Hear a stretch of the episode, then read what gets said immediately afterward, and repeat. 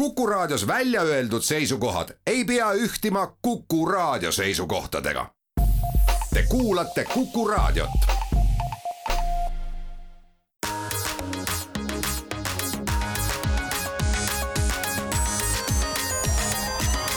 digitund.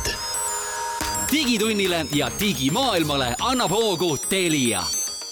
tere hommikust, head Kuku raadio kuulajad, on esmaspäev, kaheksas mai ja Digitund alustab äh, möödunud äh, nädalate digisündmuste kajastamist. stuudios on Indrek Vaheoja, Mait Tahvenau ja Andrus Raudsalu. ja saate teises pooles liitub meiega ka Raimo Peterson Riigi Infosüsteemide Ametist ja temaga räägime sellisest äh, ägedast asjast nagu Locked Shields, mis toimus Eestis, kes ei tea, mis see on, siis kuulake meie saadet, saate teada aga alustame traditsiooniliselt turvauudistest ja kui me noh, ütleme muidu siis alustame sellest, et äh, uuendage oma tarkvara, siis äh, nüüd tuli päris veider uudis ausalt öeldes äh, siis ähm, Eesti riigi poolt, et ärge uuendage oma tarkvara kas ja. ongi nüüd niimoodi, et, et ei tohi enam uuendada, sest Eesti riik ei luba, et olge selle vana, vana versiooni peal üleüldises plaanis? no tegelikult me just natuke nüüd keerame vinti üle, et no, Eesti riik ütles, et et ID-kaardi tarkvara ei tööta kõige uuemas Chrome'i ja Edge'i brauseris, nii et kui te olete oma kõige uuema tarkvara uuenduse nendele veebilehitsejatele teinud,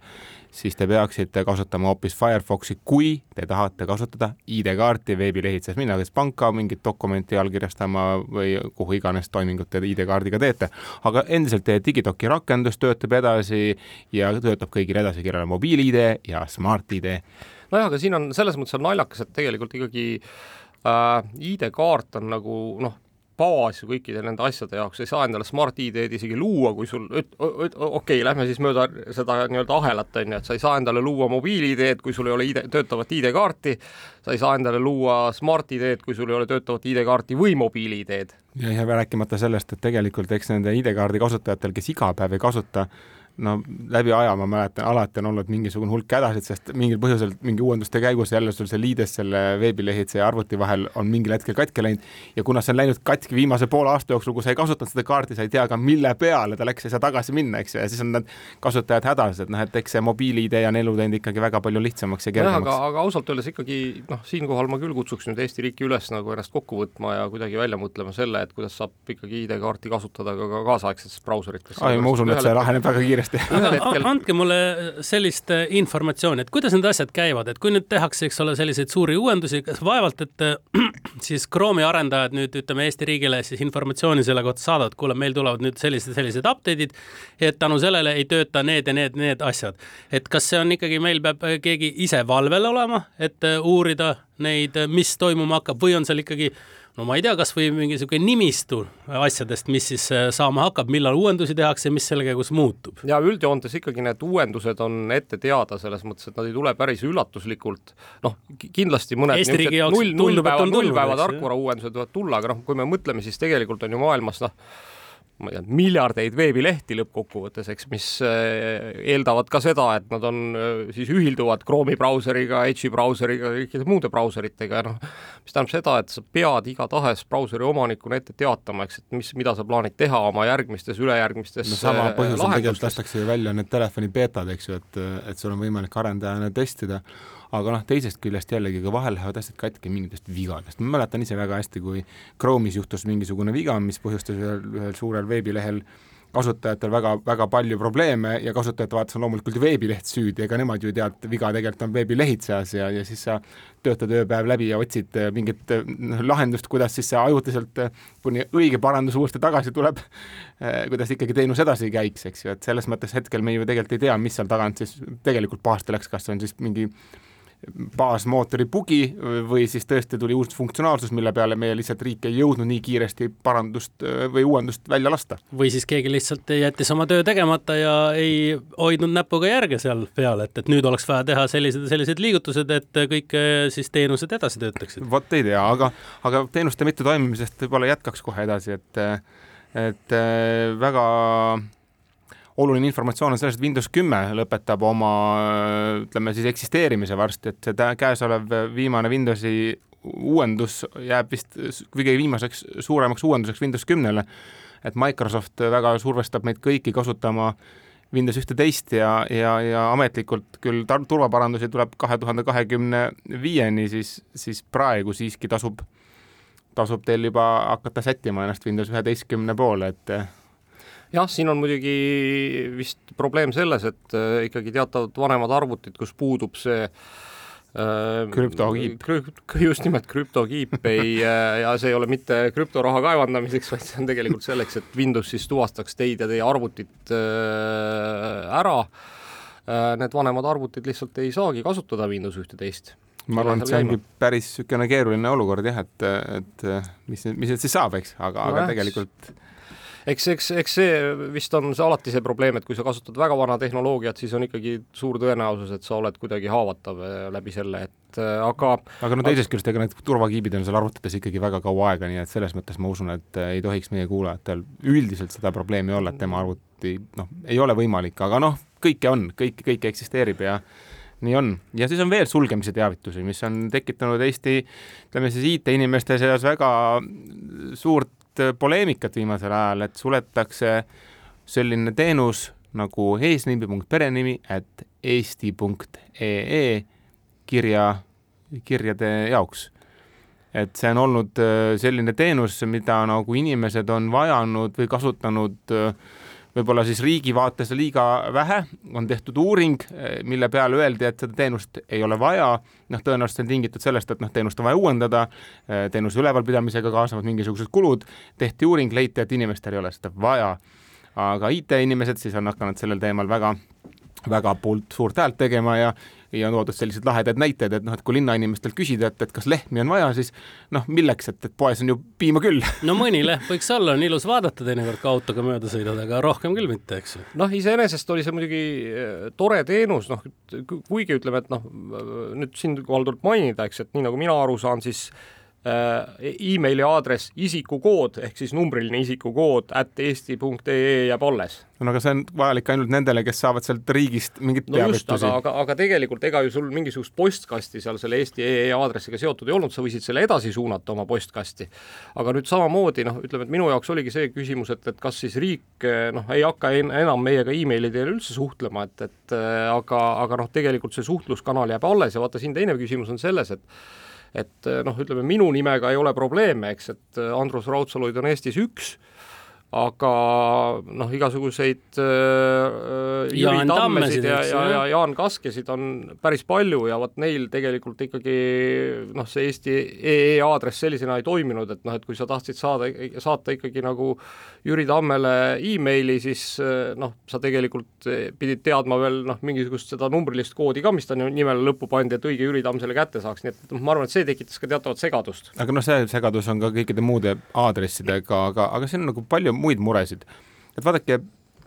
mingites asjades sa tahad ju, et mingid asjad oleks olemas päriselt, et noh, et Indreku nimi on alati Indrek, et ma tean, et see on Indrek ja ja, ja tore, et ma võin teha endale täna tasuta emaili aadressi kuhu iganes, eks ju, et noh, täna on Gmail, homme on selle jaoks mingi muu teenus, me teame tegelikult, inimesed on ju kolinud oma postkastidesse, kui Gmail tuli, muudelt teenustelt ja muud teenused lihtsalt on Gmaili hea teenuse tõttu noh, välja surnud aga, aga samas, kui homme peaks ka Gmail minema näiteks tasuliseks, enam seda endale lubada ei saa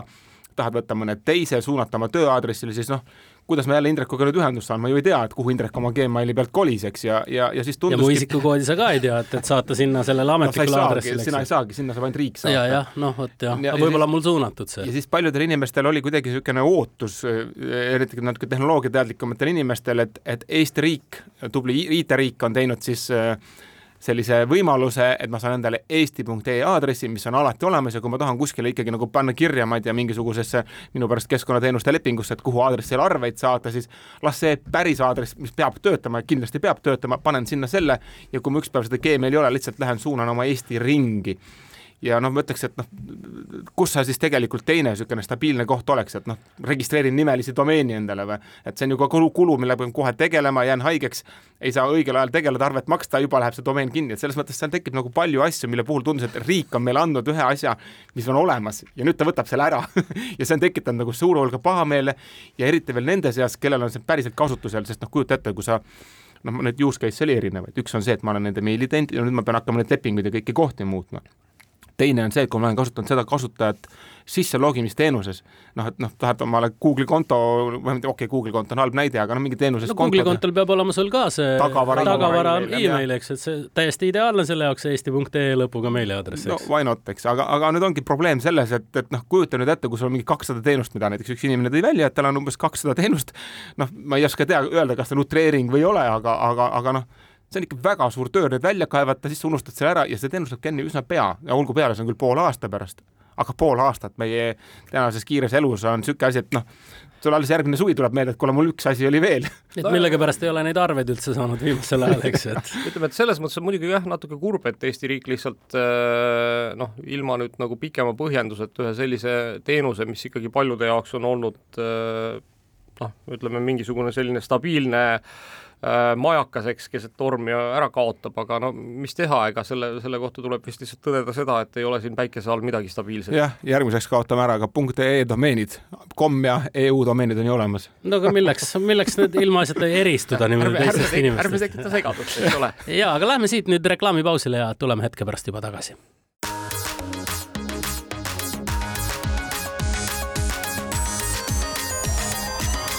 Digitund. digitunnile ja digimaailmale annab hoogu Telia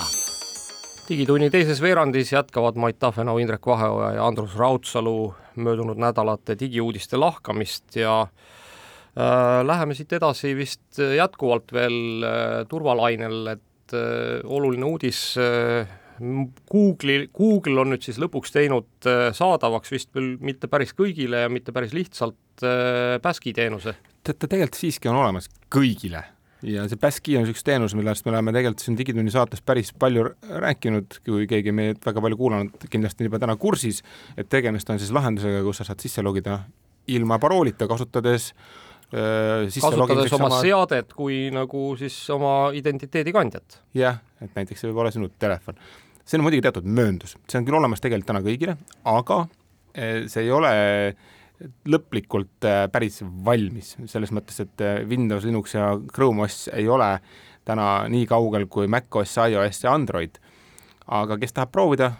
on olemas niisugune lühike aadress, paneme selle pärast ka Facebooki, on g.co slash baskis et sealt suunatakse teid õigele Google'i saidile ja on võimalik siis ära seadistada omale Baskis asi, mina proovisin järgi, vaatasin, et minu Google'i telefon oli seal juba automaatselt olemas ja minu siis iPhone sai sinna juurde lisatud, nii et on võimalik mul mõlema telefoniga ennast turvaliselt tuvastada ja saada ligi oma Google'i teenustele. Nii, aga siit nüüd üks, veel üks oluline turvauudis siis kõikidele tehisintellekti huvilistele, et me ise oleme ka tehisintellekti kõvasti siin saates populariseerinud ja ja noh, midagi ei ole salata, viimasel ajal maailmas ikkagi nende inimeste noh, need otsingud, eks, kus inimesed otsivad endale siis mingisugust kas chat GPT siis ligipääsu või näiteks mingisugust äppi, mis võimaldaks neil chat GPT-ga chat ida oma telefonis, siis kuna nende inimeste hulk on kasvanud, siis Meta teatas, et nad on sunnitud lausa tegema oma süsteemides uuendusi, kuna nad avastasid umbes tuhatkond siis erinevat kas äppi või siis sellist pahatahtlikku linki, kus siis inimesi meelitati nii-öelda chat GPT ligipääsuga, aga tegelikult olid seal taga hoopis mingisugused noh, niisugused tavalised andmevarguse süsteemid, et varastati ära teie identiteet, noh, hakati seda siis Facebookis või kuskil mujal kasutama. nii et kui te olete suur tehisintellekti huviline ja tahate endale tõmmata oma telefoni, eriti mõne siis chat GPT või mõne teise siis suure keelemudeliga chat imist võimaldava äpi, siis vaadake väga täpselt, et kes on selle tootja, kust ta on tulnud, kui palju äh, kui palju sellel installatsioone on, kas on mingisuguseid kaebusi ja nii edasi, et olge ettevaatlikud. siin ikka endiselt, et mida vähem te tõmbate igast rakendusi, seda kergem teil on, enamus no päris niimoodi ju Mait ju ka ei saa, eks, et, et Mait no., sa oled ikka mingisugune eriline purist, et Need rakendused, mis telefonis on olemas juba, nendega tulebki kõik jätkata. uuringud näitavad, inimesed ei taha mingeid rakendusi tõmmata, nad tahavad oma veebibrauseriga minna kasutada ja, ja täna Mait, räägime sellest pärast eraldi jaa, aga, aga, aga, aga selles mõttes see trend on ju, ju olnud siin viimasel ajal kogu aeg niimoodi, et kui mingi asi väga popiks läheb, siis kohe kohe tekivad äh, petturid, kes hakkavad siukseid äh, noh, andmeõngitsust sellega tegema, et, et selles mõttes ei, ei ole see ju väga üllatav, et see, et see nüüd ka siis erinevate siis juturoboti äppidega toimub no,. absoluutselt. ja muuseas, üks, üks kiire turvauudis veel, et, et mida me oleme siin ise ka rääkinud siin saates mitmeid kordi, et kui te noh, satute lennujaamas kuskil mingisuguse sellise mobiiltelefoni tasuta laadimispunkti juurde, siis ärge seda juh-, juhet mingil juhul oma telefoni torgake, siis nüüd möödunud nädalal siis Ars Technica on teinud niisuguse suurema uurimise erinevate turvaekspertide juures ja ja noh, ütleme, et äh, praegu tundub, et üldlevinud ikkagi arusaam on selline, et juhul, kui ei ole tegemist mingisuguse riikliku häkkeriga, siis noh, ütleme, et mingi tavapärane häkker ikkagi noh, moodsatesse telefonidesse enam läbi selle laadimisjuhtme sisse ronida ei saa aga noh, ütleme, et äh, see tähendabki seda, et teil peab olema võimalikult uus telefon koos äh, kõikide uuemate operatsioonisüsteemidega, niipea kui teil on midagi natuke vanemat, olete jätkuvalt äh, ohustatud ja noh, ega me keegi ei tea, et kas seal telefon, lennujaamas olevate kaablite taga on kohalikud häkkerid või noh, mõned siis pahatahtlikud riigid, kes tegelikult koguvad lendajate andmeid. igaks juhuks peab muidugi ettevaatlik olema. nii et ärge, ärge, ärge, ärge igaks juhuks ikkagi võib-olla toppida. noh, vaata, et kui on seal niisugune ametlik laadimispunkt, et siis on nagu mingi kindlus, aga kui lihtsalt mingi juhe kuskil lipib ripendab, et siis igaks juhuks ei maksa ikkagi ka noh, päris äh, seda juhet sisse toppida. nii, aga lähme siit vist teiste teemade juurde, et, äh, et ma arvan, et äh, võib-olla kõige olulisem tehisintellekti uudis, mis puudutab meid kõiki, on see, et siis Bingi chatbot, mis teatavasti põhineb siis hetkel kõige kangemal Äh, noh, saadaoleval äh, keelemootoril GPT-4-l on nüüd siis, äh, mis oli pikka aega kuskil niisuguses beeta kasutuses ja sa pidid selle ligipääsuks siis mingisuguseid trikke tegema, siis nüüd on põhimõtteliselt kõigile saadaval, eeldusel, et teil on olemas Microsofti konto. Ja tegelikult ma veel valideerisin, et ainult kontost ei piisa, ikkagi Edge'i brauser peab olema, Chrome'is, no ei saa, mina vähemalt ei saanud. võib-olla teie saate. Äh, oota, ma nüüd mõtlen, jah, tõepoolest, ma vist proovisin seda ka Edge'i brauseriga, nii et ma isegi ei julge praegu kinnitada, et, et kas mõne teise brauseriga ka saab aga, aga lähme tehisintellekti äh, lainetel edasi, et ma arvan, et üks äh, võib-olla kõige ägedamaid tehisintellekti uudiseid möödunud nädalast on siis see, et on äh, tekkinud esmakordselt siis tehisintellekti poolt abistatud mõtete lugemise siis kuidas ma ütlen, võimekus, et siis Austini ülikooli teadlased katsetasid siis süsteemi, kus inimene pandi siis sellesse noh, magnetresonantstomograafia ja, ja siis lasti tal siis äh, äh, kuulata erinevaid tekste ja, ja, ja, ja siis nii-öelda salvestati tema siis ajulaineid sealjuures. Ja, ja noh, tuleb välja siis see, et, et, et on võimalik siis hiljem sellesama andmete, andmestiku põhjal siis umbes järeldada, et mida inimene kuulab ehk, ehk tegelikult siis vaadates hiljem ajulainetele peale, on, on võimalik aru saada, et mida ta siis kuulab ja on võimalik aru saada ka sellest, et kas ta saab sellest tekstist nagu noh, ütleme, et nagu päris nii aru, nagu räägiti, kas ta kuuleb neid samu sõnu või kuuleb natuke teistsuguseid sõnu tuleviku koolitund, paned õpilastele pähe, siis märkad, et Indrek ei pööra tähelepanu järelikult ei saa aru midagi. ei, see kuluks ju praegu niisamagi marjaks, et ega teinekord on endal ka nii, et loed mingit teksti mitu korda ja ikkagi nagu ei saa aru midagi, et, et siis. jah, siis kui masin ütleb sulle, et sa vist ei saanud aru. noh, ütleme, et, et, et, et tavakasutusse muidugi see tehnoloogia ilmselt äh, veel lähipäevil ei jõua, aga igatahes on äh, jälle ühe olulise läbimurdega tegemist ja teine samast ooperist siis uudis tuli selle kohta, et on siis teadlased äh, ka hiirtele nüüd küll seekord siis pannud äh, pähe niisugused klemmid, mis nende ajulaineid salvestavad ja on siis näidanud neile erinevaid videoid, äh, kolmekümnesekundilisi klippe ja suudavad siis põhimõtteliselt noh, tehisintellekti abil seda, neid andmeid töödete, töödeldes aru saada siis enam-vähem seda, et mida hiired näevad tead, ma lähen nüüd natuke sellest ulmemaailmast natuke lihtsamate asjade juurde, et teate niisugust asja nagu LinkedIn, eks, või niisugune teenus? oleme kursis. muidugi teame, jah. vot seal on niisugune vägev funktsioon, ühesõnaga, kes ei tea, eks see tegemist on siis sellise nagu, ma tahaks öelda, et kõige suurema niisuguse töövõrgustikuga nagu Facebook on, aga ta on rohkem niisugune professionaalseks kasutamiseks, eks ja, ja nemad tulevad välja siis niisuguse äh, premium teenuse kasutajatele siis äh, ai assisted CV teile, et, et masinintellekt äh, või tehisintellekt aitab teil siis oma CV ilusamaks teha, enne kui te selle välja saadate no aga see on ju väga mõistlik teenus, sest et ma tean ka päris paljud mul tuttavad on nüüd viimasel ajal kasutanud siis erinevaid teenuseid selleks, et nende eest, et CV ära kirjutada, sest et lepime kokku, et üldjuhul sa seda CV-d ikkagi väga tihti endale ei uuenda ja kui tekib see vajadus, et no nüüd on vaja kuskile saata, siis hakkad jälle mõtlema, oota, kuidas see käis või mis ma nüüd tegema pean. kusjuures ma natuke isegi täpsustan, see on isegi, ta aitab sul koostada sinu põhjal, ühesõnaga kirja, et kui sa applied mingile tööle. ja vaata, seal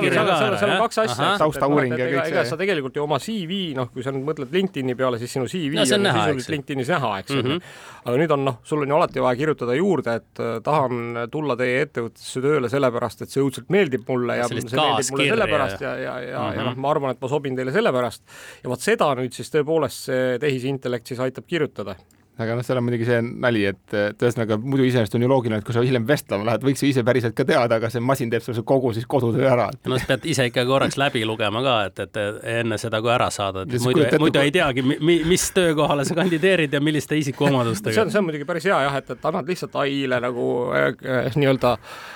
käsu, et leia mulle, leia mulle, sebi mulle, sebi, sebi mulle uus ja uus ja töö, mille eest rohkem makstakse. ei kujuta ette, saada naturalisele kaaskirja, et ma tahan tulla sinu juurde tööle, sellepärast et sa oled teinud nii palju ägedaid filme. Mida sa tegelikult ju ei ole teinud. Jah, kuulge, aga, aga selles mõttes äh, veel nagu tehisintellekti poolt siis äh, äh, kuidas öelda, toetatud teenustest, et äh, Ameerikas on selline noh, kuidas öelda siis niisugune kohalikke sotsiaalvõrgustikke haldav firma nagu Nextdoor. Ja Nextdoor siis nüüd implementeerib hetkel sellist tehisintellekti lahendust, mis vaatab üle kasutajate poolt postitatud kommentaarid ja kui nad on siis eh, kuidagi noh, eriti ebameeldivad, eh, kurjad eh, või ebatsensuursed, siis pakub välja võimalusi, kuidas see kommentaar nagu teisiti ümber kirjutada, et et noh, ma ei tea, siin Eestis suurim kommentaariumihaldur on Delfi, et Hans Luik, kui sa meid kuuled, siis võib-olla vaatad sinna Nextdoori peale ja jah, aga siis kaob see ju pool mõnu ära neid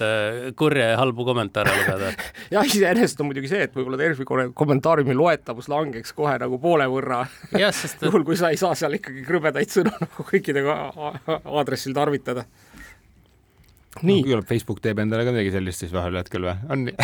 Igavaks läheb, ei, see ei ole minu arust küll hea, seal kaob see võlu ära, et okei okay,, et, et noh, et nagu veebis lahmimine ja, ja, ja lihtsalt nagu ebatsensuurselt sõimamine ei ole tore, aga siis samas ikkagi sellist eh, noh, eh, kalambuuri teinekord saab no, sealt koguda. aga noh, selles mõttes see, et, et kuidas nüüd tehisintellekt ikkagi igale poole sisse murrab, möödunud nädal tegi uudis, et ka Slacki, mis on siis noh, väga laialt kasutatav, eks niisugune suhtlustarkvara paljudes ettevõtetes, ka sinna tuleb GPT-põhine assis-, assistent. Äh, Microsoft äh, toob turule siis Microsoft Designeri, mis on siis selline tehisintellekti põhine, ma ei tea, noh, sotsiaalmeedia postituste vorpija või noh, tegelikult ta võimaldab siis äh, suhteliselt lihtsate, lihtsa vaevaga siis üldse teha niisugust noh, ilusat disaini on ju kiiresti. ma aga... viskaks siia ühe pommi vahele panema, et Microsofti oma küll väga tore, aga teate, Wall Street Journal on kirjutanud, et äh, Californias ja Wisconsinis on äh, ai põhine perearstiteenus tulemas, et mul on tõsine hirm, et, et mille kätte siis need inimesed tegelikult lõpuks äh, no lõpevad. ütleme, et ega ta vist päris noh, selles mõttes perearst ei ole, et sa ikkagi ei lähe sinna ai juurde ja ta ei katsu sind läbi, aga noh, nagu me ka teame, et ega Eestiski on arsti juurde nagu erinevate arstide juurde päris raske saada ja noh, selle tõttu on ju ka meil siin erinevaid telefoniteenuseid, kuhu sa saad helistada ja abi küsida ja noh, mingisuguseid niisuguseid videoteenuseid, eks, et et noh, seal on, ma saan aru, umbes samasugune asi, et, et vähemalt selle esimese liini nagu mured siis suudab see ai nagu chat ides ära lahendada, et sest et no. ega see on ju nagunii, et ega inimene üldjuhul ju guugeldab ennast kohe, ma ei tea, mis iganes haiguse külge, et, et võib-olla see chat GPT eh, seal kohal pakub rahustab maha, rahustab ei, maha jah, et, et, et ei, et kohe ei kuku sul midagi veel küljest ära, et, et alles siis, kui sa ei lähe arsti juurde ja vot noh, vot siis võib juhtuda, et, et eh, ma arvan, et see on pigem positiivne, aga lähme siitkohalt nüüd eh, reklaamipausile.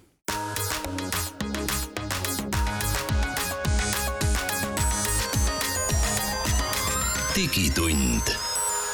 digitunnile ja digimaailmale annab hoogu Telia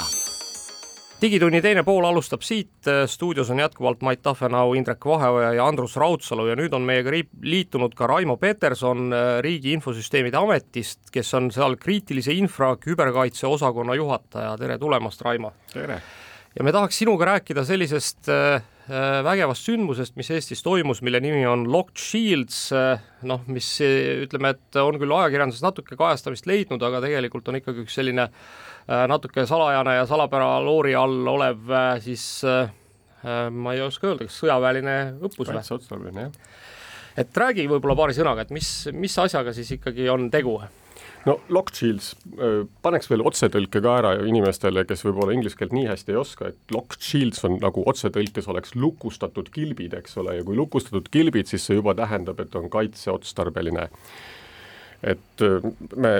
harjutame küberkaitset ja, ja siis küberkaitse õppus ja see on maailma suurim rahvusvaheline tehniline küberkaitseõppus nii et see ei ole mitte ainult Eestis, vaid see on justkui ühendatud läbi kõikide riikide, kuna küberis me ei pea alati kokku tulema selle jaoks, et küberharjutust teha? no tõepoolest, et see on, osalejaid on, riike on hästi palju, vist oli kolmkümmend kaheksas, kolmekümne kaheksast riigist osalejaid ja kakskümmend neli meeskonda üle maailma laiali jagatud ja üks tiim siis oli tõesti Eesti-USA ühistiim, mis asus siis Eestis ja palju seal meeskondasid siis kokku osaleb? kakskümmend neli, eh, no toome sisse kohe sõna sinist meeskonda, mis tähendab siis, et see on kaitsvat meeskonda, sinine värv on siis nagu meil kaitsevärv, et kaitse sünonüüm. okei okay,, ja siis nende vastu töötab äh punane, punane meeskond. Ja siis see punane meeskond tõepoolest ründab ja noh, võib-olla on tõesti hästi selline oluline, et mitte kuskil tavapäraselt ei ole sellist nagu võimalust harjutada nagu sellise päris ründava meeskonna vastu. Ja siin on noh, kui me oleme näiteks oma siis asutuse võrgus, siis me võib-olla ootame kaks aastat, ennem kui mingi korralik rünne tuleb ja siis saame seda võib-olla natukene siis kaitsta selle vastu, aga noh, sellist kontsentratsiooni rünnakuid, nagu see punane tiim teeb siis kahe päeva jooksul, et sellist võimalust ei ole mitte kuskilt mujalt saada. Kuule, aga ma kohe küsin huvi pärast, et kuidas see on, et, et punaseid tiime on üks, ma saan aru? punaseid on üks ja siis eh, kõik need kakskümmend neli tiimi, neid rünnatakse tegelikult ühtemoodi, aga nad siis eh, või neid rünnatakse erinevalt? no sarnaselt siiski, ütleme nii, et need ründe eesmärgid on samad, noh, vahendid ja võimalused, kuidas sinna sisse minnakse, on, ütleme, erinevad, sõltuvalt nagu kaitsetegevusest ja nii, aga seal on sellised nagu objectives inglise keeles või noh, eesmärgid siis mm, -hmm. eks, mhm. et siis need on tõesti kõigil samad Äh, kes seal, veel selle, veel üks huvitav küsimus, kes selle punase meeskonna liikmed on, et kas, kas seal on, äh, kas need on Eestist, ma ei tea üldse, kui palju sa võid sellest rääkida, mis tüüpi inimesed seal on, kas seal on mingid riigi esindajad, kas seal on mingid häkkerid? Äh,, Hiina häkkerid. On, no ütleme või olete maksnud Hiina häkkerid? jah, või on pandud lihtsalt kuskile üldkasutatavasse Redditi foorumisse üles, et nüüd on, ootame ründajaid, et andke kuuma. ei, tegelikult päris nii ei ole, et tegemist on, õppust korraldab NATO Küberkaitse Koostöökeskus ja NATO Küberkaitse Koostöökeskusel on teatud sellised noh, nad inglise keeles nimetatakse like-minded nations, et ütleme siis sarnase ellusuhu, ütleme siis maailmavaatega, sarnase maailmavaatega riigid ja siis tõepoolest sellest sarnase maailma vaatega riikidest on siis äh, kokku otsitud äh, sellised äh, parimad ja need ei ole mitte ainult siis kaitseväge, noh, erinevate riikide kaitsevägedest, vaid need ründad on tõepoolest ka täiesti laiast maailmast, võtame võtame Eesti, Eesti sellised, võtame Eesti unicorn'id või võtame Eesti mingid tipptegijad siin, eks, või noh, ütleme väga-väga mm. Väga, väga palju laiast maailmast, pangad, telkod, kõik sellised, eks.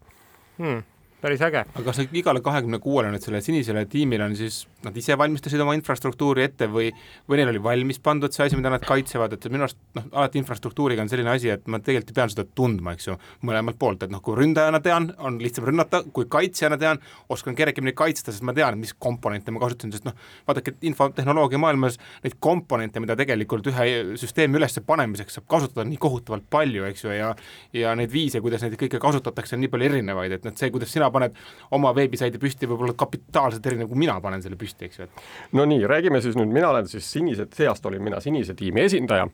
ja siis äh, meile anti siis kätte infrastruktuur, mis oli meile võõras. Äh, ja siis stsenaariumi järgi olime me siis kiirreageerimisüksus, midagi pahasti juhtus seal, me lendasime, läksime nagu sõbral-, noh, NATO Küberkaitse Koostöökeskus valmistas selle ette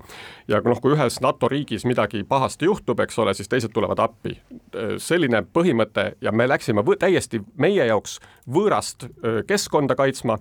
aga noh, kuidas see siis ette valmistatakse, tõepoolest NATO küberkaitsekoostöökeskus Tallinnas asub ja nemad on siis tõesti, ma ei tea, kaua seda teinud,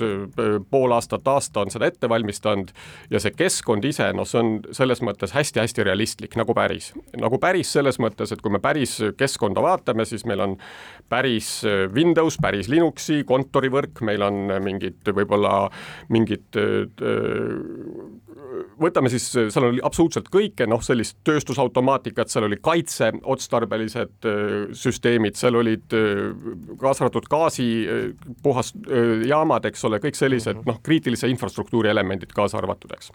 mm. -hmm. ja see on ühesõnaga, sa saad selle kätte. just. ja, ja noh, sa tead, et seal midagi juhtub ja nüüd on siis tegelikult selle sinise tiimi asi on aru saada, mis toimub, kes teeb, mida teha selleks, et ei tehtaks,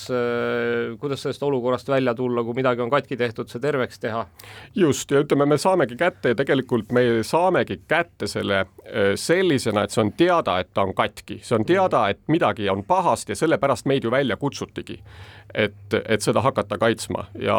ja loomulikult on ta katki ja järjest katkisemaks ta läheb mängu jooksul. ma katsun nüüd samastuda ennast selle olukorraga, mõtlen, et noh, olles IT-juht, eks mõtlen, et sina tuled nüüd mulle appi, et mida siis mina IT-juhina pean sulle nagu andma selle jaoks, et sa saaksid üldse mind aidata, et noh, tõenäoliselt ligipääsu pean kuidagi korraldama, kui server on maas, ma ei saa sulle ligipääsu andagi, eks ju. no kui server on maas, siis küll, aga ikkagi noh, ta nii maas ei ole, meil ikkagi algseis on see, et kõik süsteemid on üleval, eks okay., ja kõikidele igale poole, noh, tegelikult ikkagi on nii, et meil ligipääsud äh, on juba olemas, et kui me lähme nagu äh, okay. seda kaitsma. aga siis on järelikult dokumentatsioon, mingid teenused, kaardid, arusaamine, mis komponendid seal on, eks ju. just, aga kui asi on väga pahasti, siis võib-olla on ka dokumentatsioon vale või teda üldse pole või kui on kehva IT-juht, siis äkki ei olegi dokumentatsiooni. väga reaalne olukord, eks. või, või on kehvakene või on, või on tagauksed või on mingid dokumenteerimata mingid äh, asjad, mis ei tohiks üldse olla ja mm. -hmm aga okay. kes sul siis meeskonnas on seal, ma eeldan, et seal peab olema keegi võrguspetsialist, kes suudab aru saada, mis sul võrguseadmetes toimub, siis on sul keegi, kes suudab mingi Linuxi mingid teatud komponentides äh,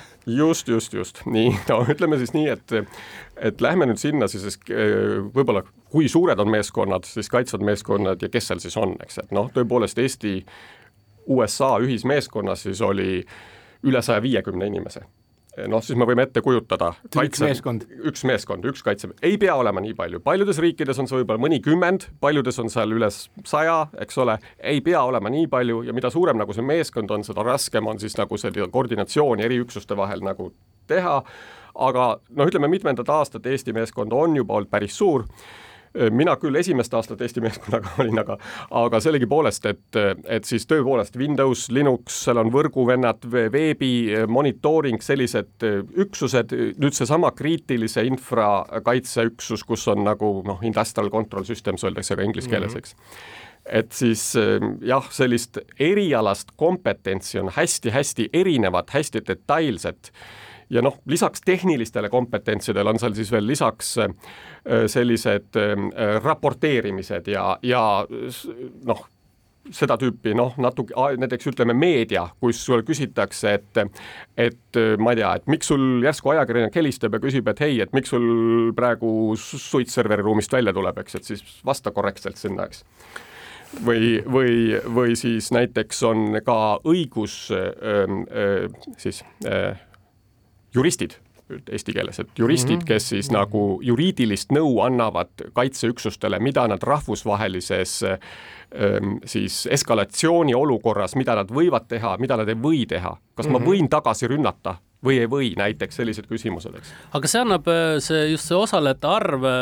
nagu väga hea ülevaate ka sellest, kuivõrd mahukad on need ülesanded, et see ei ole sugugi niimoodi, et noh, et nüüd murti kuskile väiksesse firmasse sisse, kes siin kolme-nelja valgusfoori kamandab, et, et tehke see asi korda, eks ole, et, et see on ikkagi väga-väga suuremahulised ja, ja noh, ütleme, loodame, et mitte, aga, aga päris realistlikud stsenaariumid. Just, ja ütlemegi siis nii, et äh, kui me vaatame mahtu, siis seda tehnilise keskkonna mahtu siis kokku öö, vist korraldajad kuskilt nägin numbrit, et viis tuhat viissada virtuaalarvutit viis tuhat, mitte nüüd küll ühe tiimi kohta kõik kokku, eks mm -hmm. ole, noh, jagame siis kahekümne neljaga läbi, siis saame umbes palju nagu ühe tiimi kohta, et ikka mitusada, eks ole. ja et ütleme siis tõepoolest, et antakse kätte nagu võrk, keskkond, kus on mitusada siis süsteemi, osad serverid, osad lihtsalt tööjaamad, kliendid, kõik mis sellised ja siis neid tuleb kaitsta kuule, aga nüüd äh, selles mõttes, et äh, selle kogu selle asja ettevalmistamine, sa ütlesid, et see võttis umbes aasta, et äh, sisuliselt,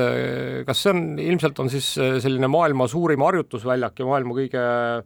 advance im harjutusväljak või? vot, harjutusväljak, noh, kus siis seda tehakse, eks, et, et ta, no ütleme, kuhu me majutame viis tuhat viissada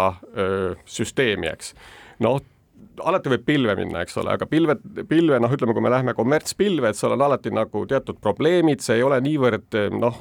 alati tekib eh, kuskil mingi detail, kus me hästi ei saa mingit võrguliiklust jälgida või midagi sellist, eks kaasa arvatud mahud, mis lähevad ikkagi nii suureks et.... olgem ausad, kui raha on, küll siis saaks no. Kuskilt Amazon. seal, seal, seal võib olla ka see, et Amazon, Amazon vaatab, et kuulge, et siin käib mingi jama onju. tõmbame ise need mehed maha onju. just, ja see on üks detail muuseas, mis on väga kahtlane, ütleme, et juhul, kui me hakkame tõesti Amazonis kuskil mingeid ründekaitse asju harjutama, siis see võib, me saame kohe bänni ja kedagi ei huvita ja sulle võid teha tiketeid või mitte ja nii ongi, eks ole.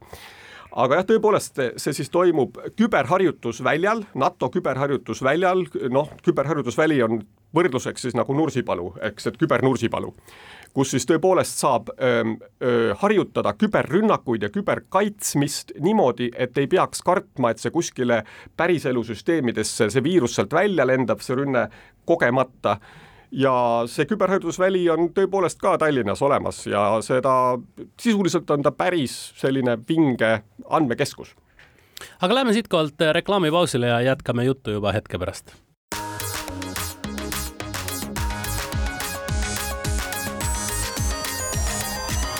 digitund. digitunnile ja digimaailmale annab hoogu Telia digitund on tagasi, stuudios on Mait Tafenau, Andrus Raudsalu, Indrek Vaheoja ja Riigi Infosüsteemide Ametist Raimo Peterson. Ja eh, räägime siis eh, Locked Shieldsi õppusest edasi. Ja, ja meil jäi nüüd jutt pooleli natukene sinna eh, nii-öelda sellesse virtuaalsesse Nursipalusse, et kuidas siis, no saime sealt küll aru, et kuidas ja mis, aga kuidas siis edasi sealt? Nursipalust edasi, ütleme Nursipalu ongi see, kus on siis kogu see õppuse infrastruktuur majutatud ja noh, kui me kujutame ette, et, et kuidas üldse siis nagu majutada viite tuhandet viitesadat süsteemi, arvutit, sisuliselt arvutit, siis noh, tänapäeval ei ole kuskil sellist riiulit, kus on viis tuhat arvutit reas üksteise kõrval, eks ole, vaid tõepoolest tegemist on siis virtuaalsete arvutitega, virtuaalse Windowsi arvutiga, virtuaalse Linuxi arvutiga, virtuaalsete switch'ide, ruuterite, kõikide selliste asjadega, eks. ja noh, kui me seda andmekeskust ise räägime, siis tegemist on andmekeskusega, näeb välja selline, nagu oleks andmekeskuste kapid, eks, mitu räkki, räkiks, räkiks nimetatakse seadmeid täis, aga tõepoolest siis seda, et, et ei ole viite tuhandet, viitesadat füüsilist seadet seal, mis läheks üle mõistuse, eks, aga on siis äh, füüsilisi seadmeid kordades vähem võib-olla isegi kümneid või sadu kordi vähem on need füüsilisi seadmeid ja kuna igas füüsilises seadmes on siis noh, kümneid või sadu virtuaalseid arvuteid, mis on siis äh, need komponendid, mida kaitstakse, rünnatakse, siis äh, selle võrra on see natuke nagu füüsiliselt väiksem. ma natuke kahtlustan, et sel, sellele sinisele ja punasele tiimile peab olema üks mingi, mingit värvi meeskond veel, kelle ülesanne on kogu selle võistluse ajal ka seda nagu baasi püsti hoida, on nii? just, see on nüüd see roheline roheline just, no kui ma ei tea, ütleme näiteks, kui meil on Eurovisiooni võistlus, siis meil on ka roheline tuba, eks ole, lava taga kuskil, eks ole. aga noh, ütleme jah, tõepoolest meil on rohe, siis NATO küberkaitse koostöökeskus on siis see asutus, kust on see rohelise meeskonna tuumik, aga mitte ainult, selles mõttes ka rohelises meeskonnas on üle terve maailma neid, eh, neid, kes, kes aitavad seda teha lihtsalt vabatahtlikkuse baasil, et, et, et seda asja korraldada ja teha midagi ägedat. aga millised on ajalised raamid sellest hetkest, kui siis sinised võistkonnad kätte saavad oma noh, töö lähteülesande või ligipääsu või mis iganes, eks ole, kuni selle hetkeni, kui siis peaks asi olema lahendatud või kui ollakse lõplikult punasele tiimile alla jäädud? no ega sellist nagu lõplikku lahendust ei olegi, aga ajalised need raamid on nii, et tegelikult see õppus ise, see õppuse aktiivne faas toimub kaks päeva ja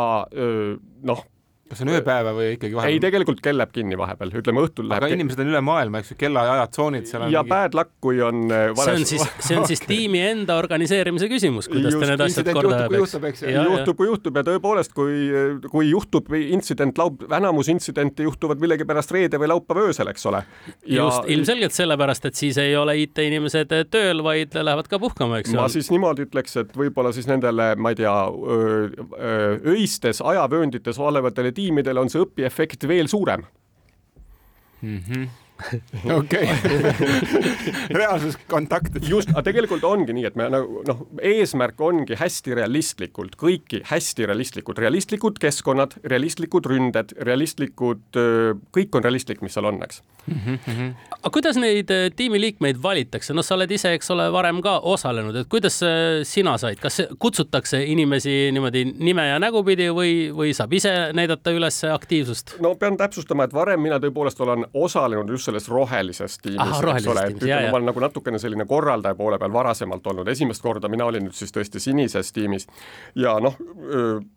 võib-olla räägiks, tead, ega palju vahet ei olegi, kuidas meeskondi moodustatakse, okei okay,, sinise poole pealt siis tõepoolest otsitakse noh, siis neid oskusteavet, et ühesõnaga, kui meil on näiteks Windowsis mingi lünk kuskil, siis me tõepoolest hakkame Eestist otsima kõigepealt, kus meil on noh, Eesti USA tiim oli küll, USA-st tuli teatud kontingent, kes meile tulid, eks ole, noh, seal me väga palju valida ei saanud, aga siis tõepoolest, kui tekib mingi lünk kuskil, me näeme, meil on vaja väga vinget veebikuru, eks ole, siis me hakkame otsima, kus on Eestis selline vinge veebikuru ja teeme talle ettepaneku ja tõenäoliselt see veebikuru äkki juba varem teab, mis on lock shields ja tal lähevad silmad särama ja noh, ütleme respekt on see, et need inimesed ikkagi, see ei ole mitte kaks päeva panust oma tööajast, mis nad, mis nad panevad sinna. keegi ju kellelegi raha ei maksa, eks. et, et see ei ole kaks päeva, vaid see võtab nagu aega ennem seda nädalaid et seda sisse elada, ette valmistada, ennast sisse lugeda, süsteemide ja võrguga tundma õppida, kõike seda, eks aa, et sul on ikkagi eelettevalmistuse periood igal inimesel. Nä-, näidatakse korraks üks-kaks päeva ennem, paar mm -hmm. nädalat, nädal-kaks ennem näidatakse korra, mis võrk on, mis süsteemid seal on ja siis mm -hmm. seal saab veel teha korrektuure, et oletame, et ma näitasin, oo, et seal on mingi, ma ei tea, Siemensi über super mingi SCADA süsteem, siis ma hakkan kohe otsima, kus ma saan selle noh, mingi spetsiifika seal ikkagi mingi on, ju. spetsiifika jah, noh kui Linux, Windows on väga tavaline, eks ole, aga kui ma tõesti leian mingeid ülispetsiifilisi asju, siis saab kohe hakata veel, on aega natuke ringi minu arust ongi see, et sa ütlesid, et veebikuru, eks ju, mina kohe mõtlen, noh kuule, vanasti veeb tehti kõik PHP Apache, eks ju mm., noh niisugune klassikaliselt selle nime lausa stack'i nimetus oli mm. olemas, eks ju. aga tänapäeval kõik on Node, eks ju, mingisugused teised tehnoloogiad üldse, kuidas veeb töötab, kumba vaja on, tõenäoliselt mõlemat, eks ju. no aga võib-olla me, see ongi see, et noh, et kui me saame ka selle ennem natukene piiluda sisse, siis me saame veel tuunida, et täpselt kumba vaja on, eks ole. okei, okei. Ja tõepoolest me hakkame uuri-, Eestis hakkame küsima, noh, tegelikult ütleme, meeskonna loomine ikkagi algas jälle pool aastat varem juba, eks noh, et see tõesti, see võib-olla viimane fine-tune oli seal viimasel hetkel isegi mitte palju, ma ütlen, kui ma mõtlen tagasi, siis ega tegelikult seal viimasel kahel nädalal palju muutusid, noh, lisandusi ei toimunud, aga aga jah, et eh, hakatakse otsima selliseid spetsiifilisi ja noh, tegelikult on see nagu natuke juba community, et kõik nagu teavad, et et mis ta on, pooled võib-olla on vanad olijad ja pooled on uued olijad, noh, ja kui ma mõtlen siin Eesti, Eesti tiim praegu tõesti alates üliõpilastest, nimetasin meie paari unicorn'i, kus tõesti väga suur meeskond, eks ole, siis noh, telkod, pangad, energiafirmad. kõik, kes selliste muredega reaalses elus ka kokku puutuvad, eks ju. täpselt, ühesõnaga nii korraldajate poolelt on hästi realistlik keskkond, siis loomulikult peab ka ju vastu otsima selliseid inimesi, kes oma reaalses elus neid süsteeme kaitsevad, eks. no ma kujutan ette, et kui sa ütlesid, et teil on ühes meeskonnas on sada viiskümmend liiget, siis ilmselgelt moodustavad igas tiimis tegelikult ikkagi ju mikrotiimid, kes siis spetsialiseeruvad ühele, teisele, kolmandale, neljandale ja siis on kuskil juhtimine ja, ja kogu see, eks ju. just, ja ütleme, ongi nii, et jah, et sellised mikrotiimid tõepoolest, et no ikkagi vastavalt spetsiifikale, vastavalt sellele, mida ma oma töö, igapäevatöös tavaliselt teen mm, -hmm. loomulikult toon ma selle sinna kaasa ja loomulikult olen ma seal siis selle võib-olla mingi äh, väikse osa kaua üks niisugune, ma saan aru, üritus on kaks päeva, eks ju, mitu rünnet või, või mitu lainet või, või, või kui adaptiivne on häkker teisel pool vastas, et, et, et lahendan justkui ära, huh, pühin higi, sain ühele poole ja tuleb juba uus teise nurga pealt. Eh, no ütleme nii, et, et noh, neid ründeid ikkagi on sadu, noh, ma ei, kui noh, kui kui punane tiim loeb, siis tema loeb kokku loomulikult üle kõikide kahekümne nelja tiimi, mis ta on teinud, aga kui me vaatame nüüd sinise meeskonna vaates, siis noh, ma ütleks ikkagi sadu-sadu on, on nende kahe päeva jooksul neid ründeid ja noh, ega päris nii ju jah, mõned lahendan ära tõepoolest, aga ega päris sellist mustvalget lahendamist ju me kunagi ei tea, kuna kui on tõesti mingi noh, me nimetame mingi piikon tiksub seest välja, siis võib-olla sa esialgu said millestki lahti, teine kohe tullakse jälle tagasi, eks. kuidas te siis mõõdate, et kes siis võidab? no kes võidab, tegelikult on nii, et, et see on harukordne õppimisvõimalus sinistele tiimidele, selle tõttu ma ütlen, et, et kaotajad siin kindlasti ei ole, kõik sinised tiimid võidavad, ilmselt võidavad ka punased tiimid. Punane tiim, ütleme siis, et noh, ka nemad õpivad, aga, aga siiski ütleme, ta on orienteeritud kaitsvatele sinistele tiimidele. Ja tõepoolest punkte antakse. sinistele tiimidele antakse punkte erinevate asjade eest, noh, üks siis selline äh, äh, lugemise põhimõte on see, et et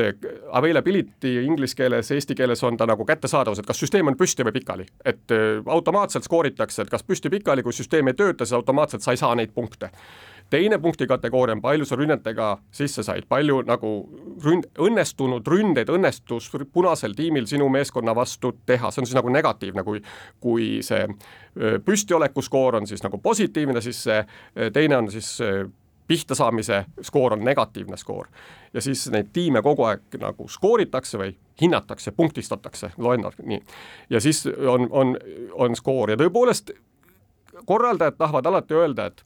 et noh, see ei ole üldse tähtis, et katsume nendest punktidest lahti saada ja et see ei ole üldse tähtis ja me ei taha, et kõik õpivad ja nii edasi ja et me katsuks selle võistluselemendi hästi väikseks saada. aga siis äh, midagi ei ole teha, see punkt on ikka see, mis motiveerib ja see punkt on see, mis motiveerib ja see motiveerib just neid inimesi ka sinna tulema ja panustama seda tööaega tegelikult, ülikallist tööaega äh, sinna.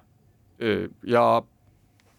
jah. aga kas selle punktidega ei ole niimoodi, et võib tekkida selline hüpoteetiline situatsioon, et, et võib-olla reaalses elus ma nagu katsuksin seda süsteemi ikkagi ellu äratada ja üles tõsta, seepärast et noh, muidu ei hakka teenused tööle, aga võistkonna või võistluse situatsioonis võib olla mõistlikum see süsteem sinna pikali jätta ja korjata punkte mingite muude asjade pealt. väga hea küsimus, tegelikult ongi nii, et, et äh, korraldajad tavaliselt tahavad teha selle skooringu või selle punktisüsteemi ka hästi realistliku, nii et ütleme, et mul ei tekiks sellist eba, ebamaist vabaplikku kiusatust. jah, sellist ütleme mm, -hmm. et see, et see kiusatus peaks olema ka nagu päris maailmale vastav, eks et no vähemalt korraldajad soovivad seda teha, eks. ja noh, ütleme siis nii, et korraldajad ei ütle siis välja, kes on nagu ütleme, kõiki neid, neid noh, teilt võistlevad ju riigid omavahel, see on natuke ka poliitiline, eks, et noh, et ma ei tea, eestlane tahab alati kindlasti olla parem kui soomlane või lätlane, on ju vist nii, ja, ja austerlane, austerlane tahab alati olla parem kui sakslane vist, eks, noh. no loogiline, naabr, naabrite asi. naabrist parem naabrist parem alati on vist nii, eks ole, ja noh, tõepoolest ka see on selline väike nagu see, aga ega korraldajad ei ütle välja, kõik ütlevad kolm esikohta välja, eks noh aga kuidas eestlastel läks? eestlastel läks see aasta väga hästi. Tubli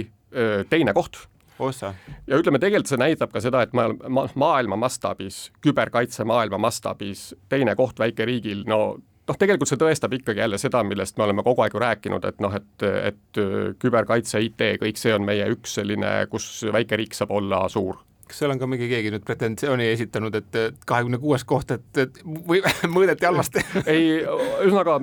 nüüd pretensioone kindlasti on, aga ütleme siis nii, et seekord tõepoolest, et tegelikult ju kaotajad ei ole, kõik on võitjad ja noh, ütlemegi siis nii, et ega ka võib-olla see oli ka see põhjus, miks, miks ei öelda välja neid kõiki kohti, öeldakse kolm esimest ja noh, tegelikult tõepoolest võib-olla hästi kehva oleks, kui, kui jääks viimaseks, eks noh parem on, ärme ütle siis, et jääks viimaseks. Ja, ja tegelikult üks asi veel, et ähm, võib-olla see, kes jäi viimaseks, äkki tema õpikur-, kõver oli kõige parem see on eesmärk tegelikult. võib-olla nad alguses tegid midagi valesti, aga pärast seda äh, tegid palju paremini. ja õppisid, õppisid kõige rohkem. mis ongi sellest. kõige tähtsam. ja mis on. kaotusest õpitakse, eks ju. võidust sa nagu ainult andsid eeskuju no selle positiivse uudisega, et Eesti tiim tuli teiseks, me täna lõpetame, meil oli külas Riigi Infosüsteemide Ametist Raimo Peterson, aitäh ja edu edaspidiseks. ja Digitunniga äh, kohe oleme tagasi eetris siis juba nädala pärast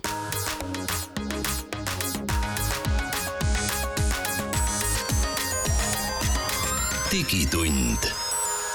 digitunnile ja digimaailmale annab hoogu Telia